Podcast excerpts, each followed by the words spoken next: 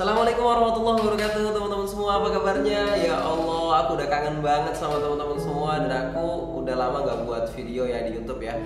Eh, aku berharap semoga konten-konten aku di YouTube ini bisa bermanfaat bagi teman-teman. Dan kalaupun ada sesuatu yang keliru ya aku sebagai manusia eh, tempatnya salah dan lupa. Dan aku juga masih belajar dan Islam kan mengajarkan kita untuk saling menasihati dalam kebenaran dan kesabaran. Aku terbuka banget bagi teman-teman semua yang mau nasihatin aku silahkan uh, komen di bawah, oke?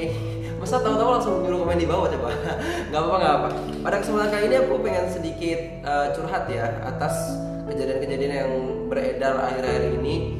Aku pengen sedikit uh, sharing tentang uh, apa sih perbedaan antara seorang muslim dan seorang kafir gitu? Aku nanya juga kan ke teman-teman di Instagram gitu.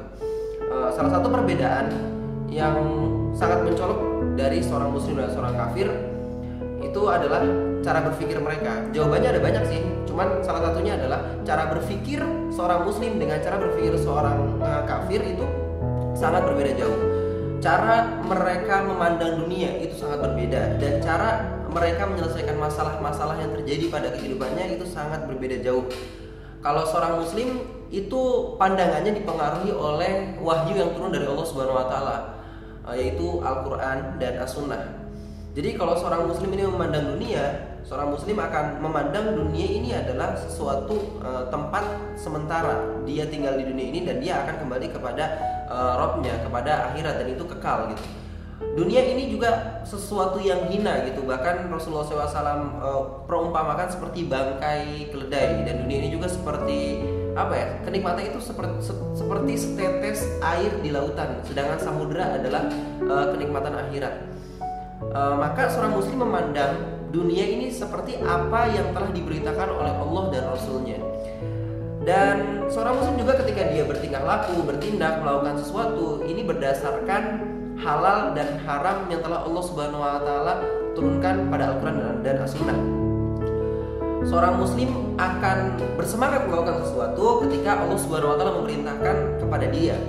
Seorang muslim juga akan berhati-hati dalam melakukan sesuatu bahkan meninggalkan sesuatu jika sesuatu itu membuat Allah Subhanahu wa taala murka kepadanya.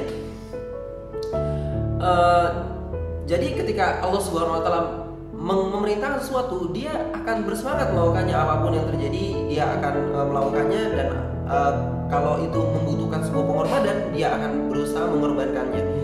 Uh, dan ketika Allah Subhanahu Wa Taala memerintahkan untuk meninggalkan itu atau nggak mengharapkan sesuatu itu maka seorang muslim akan berusaha menjauhkannya bahkan dengan sukarela uh, sukarela meninggalkannya juga seorang muslim ketika dia mendapatkan sebuah masalah, maka muslim ini akan mencari solusi dan jawabannya dalam Al-Qur'an dan As-Sunnah. Kenapa? Karena agama ini adalah agama yang paling sempurna, brother sister. Kenapa agama Islam ini mengatur segala lini kehidupan? Uh, agama lain kayaknya enggak deh. Ya, yang aku tahu ya kayaknya enggak deh. Enggak ada agama yang sempurna Islam gitu. Teman-teman pernah nggak dengar misalnya sistem per, sistem perekonomian Buddha, sistem perekonomian Konghucu atau enggak sistem perekonomian Kristen? Ada nggak? Atau enggak sistem pemerintahan Kristen? Sistem uh, apa? Sistem masyarakat Kristen itu kayaknya nggak ada deh. Tapi itu semua Islam punya semua aturan itu. Islam mengatur dari manusia dari kita bangun tidur sampai manusia ke dalam kubur manusia Terus Islam juga mengatur ketika kita uh, berada di rumah tangga sampai Islam pun mengatur ketika kita berada di uh, lingkup negara gitu. Islam punya jawaban atas semua masalah-masalah yang ada. Uh, tapi beda ketika kita uh, berinteraksi dengan seorang orang non muslim gitu ya. Ketika orang yang tidak memikiri, memiliki pemikiran-pemikiran Islam, orang-orang kafir akan melihat segala sesuatu ini dari segi materialistis, dari segi kemanfaatan dunianya aja gitu. Uh, selama itu nggak buat uh, lu nggak selama itu selama itu bermanfaat buat lu ya silakan lakukan.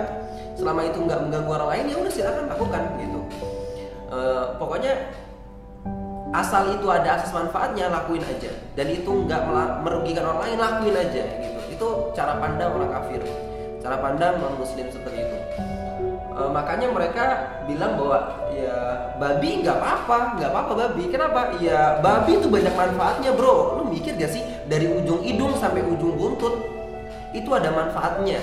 Kenapa lu harus mengharam-haramkannya? Kenapa gua nggak boleh uh, mengkonsumsinya? Dan daging babi itu enak banget. Kenapa gua harus uh, kenapa gua harus meninggalkan daging babi? Kenapa gua harus mengharamkan daging babi? Ya kan terus zina enak bro. Zina enak. Seks bebas tuh enak. Selama lu nggak menyakiti orang lain selama lu melakukannya suka sama suka kenapa uh, why not gitu? Terus riba. Kenapa riba diharamkan? Riba tuh menguntungkan bro. Riba tuh enak. Ketika lu punya hutang lu bisa langsung ambil uang uh, dari dari transaksi riba itu. Ketika lu pengen buka usaha lu bisa langsung dapat modal yang cash dengan riba itu. Uh, lu juga uh, kalau lu pengen mabuk ya mabuk tuh enak. Mabuk tuh asik bro. Bisa menghilangkan lu dari stres bisa membuat hidup lu enjoy. Kalau itu membuat hidup lu enjoy ya kenapa enggak? Gitu kan. Kalau lu pengen kalau lu pengen jadi lesbi gitu kan uh, kalau lu pengen jadi homo kalau lu pengen jadi LGBT ya silakan lakukan lakukan aja. Lakukan. Suka-suka lu hidup-hidup lu. Asal lu melakukannya suka sama suka dan asal lu nggak uh, merugikan orang lain ya it's okay it's fine gitu ini cara pandang orang-orang kafir gitu. Cara pandang uh, selain muslim. Mereka memandang dari segi materialistisnya aja. Dan lu bisa ngelakuin apa pun sesuka lu ya kan? Karena apa karena lu punya hak asasi manusia bro. Lu dilindungi oleh ham lu tau nggak ham hak asasi manusia. Siapa yang bisa ngelarang lu? Lu sebagai manusia punya hak. Siapa yang bisa ngelarang lu? Gua tanya siapa yang bisa ngelarang lu? Tuhan. Hah? Tuhan bisa ngelarang lu nah itulah perbedaan antara pemikiran orang yang muslim eh, dia mau diatur oleh apa yang diturunkan oleh Allah dan Rasulnya dan uh, berbeda uh, dan pemikiran orang-orang yang non muslim orang-orang kafir yang tidak mau uh, taat pada Allah Subhanahu Wa Taala. Hmm, yang satu berdasarkan wahyu yang satu berdasarkan berdasarkan nafsu dan segi asas manfaat terhadap dunianya aja gitu. Nah sebenarnya dari uh, dari pemaparan panjang ini aku cuma pengen ngasih tahu sih teman-teman.